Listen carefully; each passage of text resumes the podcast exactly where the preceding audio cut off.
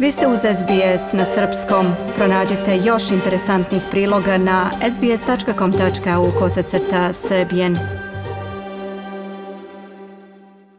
Slušate SBS radio, program na srpskom jeziku.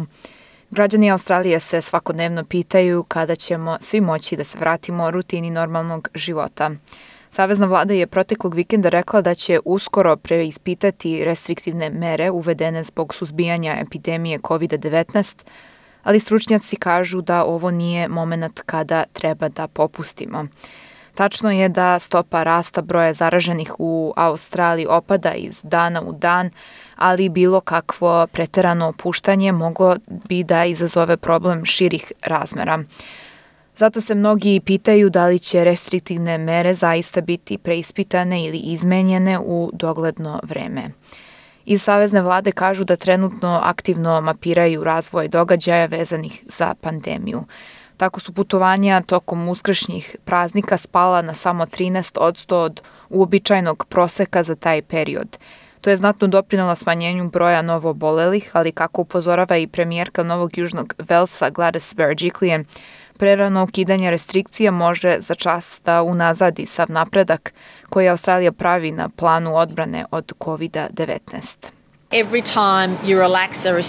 Kada bi se restrikcije ukinule, stopa zaraze bi skočila, a tada se ljudi razbole i umiru.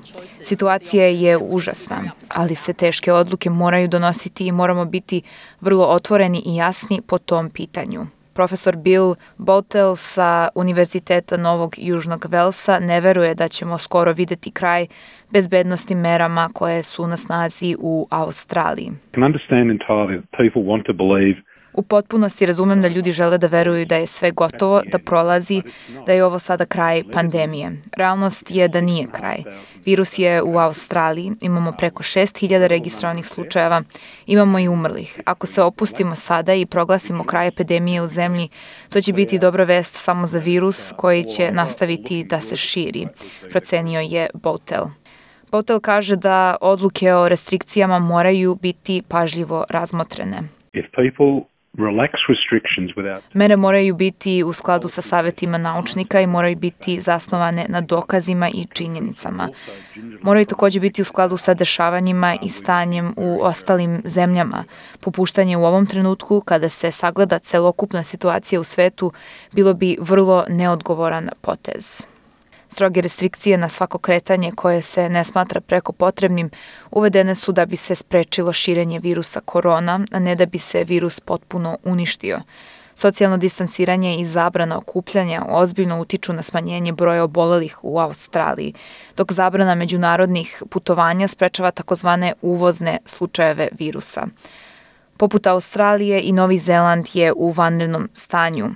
Zabrana kretanja u toj zemlji usmerena je u cilju potpunog nestatka virusa. Usled takvih mera na Novom Zelandu broj obolelih drastično pada, pa glavni australijski medicinski zvaničnik Brendan Murphy kaže da je novozelandska strategija eliminacije opcija koju bi i Australija mogla da razmotri. Smatramo da bi to mogla da bude i naša potencijalna strategija. Imamo je u vidu. Problem sa eliminacijom virusa je taj što mi i dalje ne znamo da li je to uopšte moguće. Ne znamo do koje se mere ovaj virus prenosi kod osoba bez simptoma. Imamo dokaze da ljudi obole od blažeg oblika COVID-19 i da nikada ne odu da se testiraju i ne znaju da su imali virus. I dalje ima mnogo nepoznatih činjenica kada je ovaj virus u pitanju. Strategija eliminacije bi međutim značila više restrikcija na stanovništvo, a ne manje. Profesor Murphy je rekao da vlasti neće ukinuti niti ublažiti mere distanciranja, dok nisu u potpunosti uvereni da javni zdravstveni sektor može da se izbori sa rastom infekcije, a rast će biti neizbežna posledica ukidanja mera. Profesor Botel se ne slaže s tim da Australija treba da se prepusti neizbežnom rastu.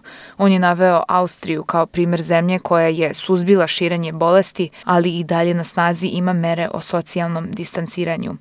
Maske se i dalje nose na javnim mestima i društveno udaljivanje se primenjuje i kontroliše.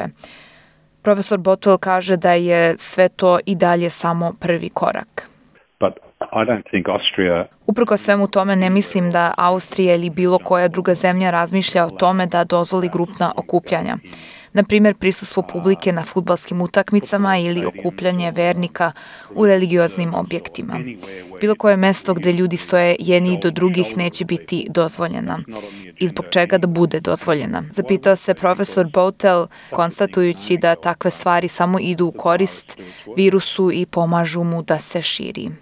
Svetska zdravstvena organizacija je upozorila zemlje koje razmatraju ukidanje nekih restrikcija da dobro sagledaju situaciju pre nego što bilo šta promene.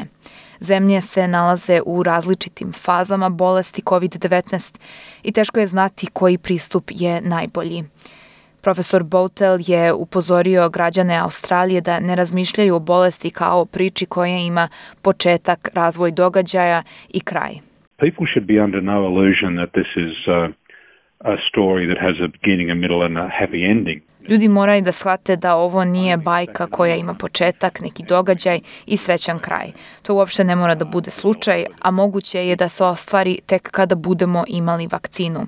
U stvari, ako budemo imali vakcinu, to je i dalje otvoreno pitanje, kaže Botel.